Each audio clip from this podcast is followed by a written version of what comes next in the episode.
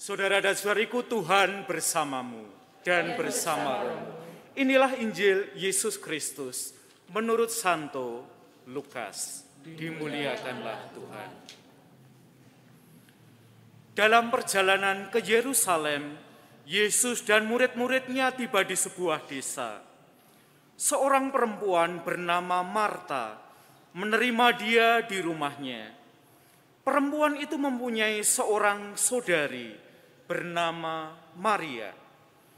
Maria duduk di dekat kaki Tuhan dan terus mendengarkan perkataannya, sedangkan Maria sibuk sekali melayani. Ia mendekati Yesus dan berkata, "Tuhan, tidakkah Engkau peduli bahwa saudariku membiarkan aku melayani seorang diri? Suruhlah dia membantu aku."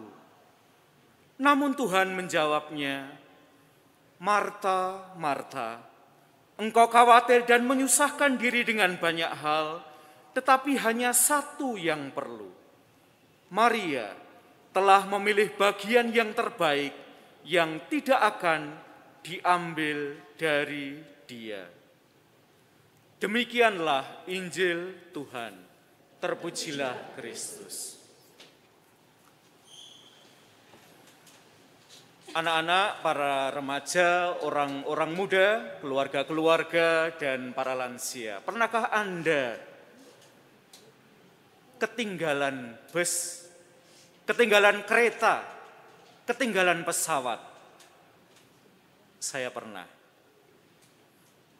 Suatu hari Sabtu dalam perjalanan dari kota Auckland ke kota Seattle, saya sudah mencatat semua jam keberangkatan saya, mulai dari rumah tempat saya tinggal, lalu saya perlu jalan ke stasiun, dan kemudian dari stasiun naik kereta, lalu lanjut naik bus dan akhirnya mestinya saya datang di kota Seattle on time.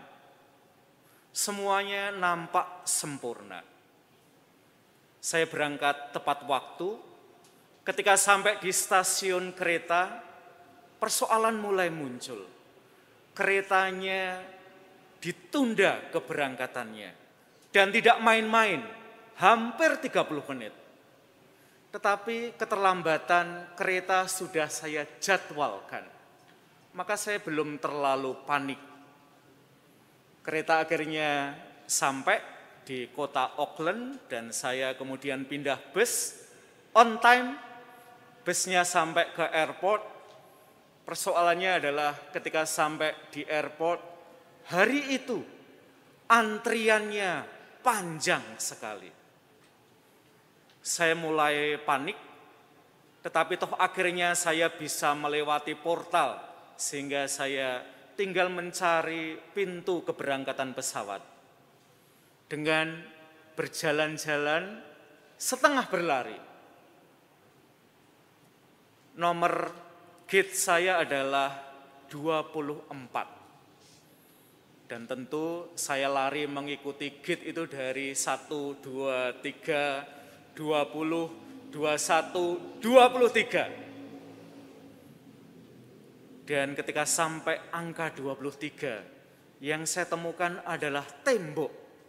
Dan saya tidak bisa melangkah lagi lebih jauh. Maka saya ketemu dengan seorang bapak-bapak uh, yang sudah lansia dari etnis Asia, jadi merasa lebih dekat kalaupun bahasa Inggris saya berlepotan, toh akan dimengerti. Dan saya bertanya kepada Bapak itu, Bapak, saya minta tolong sekali, saya sedang tergesa-gesa karena pesawat saya tinggal beberapa menit lagi akan berangkat. Saya mau tanya Pak, kalau pintu nomor 24 itu ada di mana letaknya? Dan Bapak itu bilang, Mas, pintu 24 itu letaknya setelah 23. Dan saya melihat nomor 23. Itu adalah nomor terakhir yang bisa saya lihat. Karena setelah itu ada tembok. Saya berhenti beberapa lama di situ, tidak tahu lagi ke mana harus melangkah saking paniknya. Dan kemudian Saya berlari ke sana kemari dan ketinggalan pesawat. Saya masih mikir seperti di Indonesia ya, kalau ketinggalan pesawat itu tiketnya angus dan harus beli lagi. Maka saya datang ke counter informasi di situ dan saya bercerita sedetail-detailnya kejadian yang saya alami sejak dari rumah sampai ke airport pada sore hari itu. Dan yang ada di counter informasi memberikan kata-kata yang sangat menghibur saya waktu itu. Satu jam lagi akan ada pesawat lagi dari kota Auckland ini ke kota Seattle. Anda silahkan ambil salah satu tempat duduk di situ. Saudara dan saudariku, ketinggalan kendaraan umum sering kali menimbulkan kepanikan di dalam diri kita. Maria di dalam Injil hari ini adalah sosok yang sering kali disalah mengerti oleh banyak umat Katolik, terutama ketika dihadapkan dengan sosok Marta. Kalau saya bertanya kepada Anda, siapa sosok yang lebih aktif di dalam kisah ini? Apakah Marta atau Maria?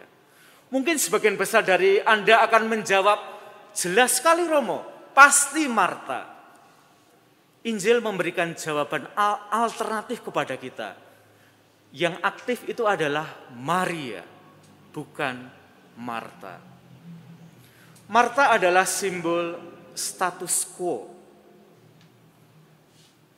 Marta adalah simbol seseorang yang sudah ada di comfort zone-nya. Masyarakat yang kalau ada tamu perempuan itu otomatis melayani ya dengan mengerjakan banyak hal. Maria melakukan sesuatu yang sangat istimewa Maria tidak meneruskan tradisi itu.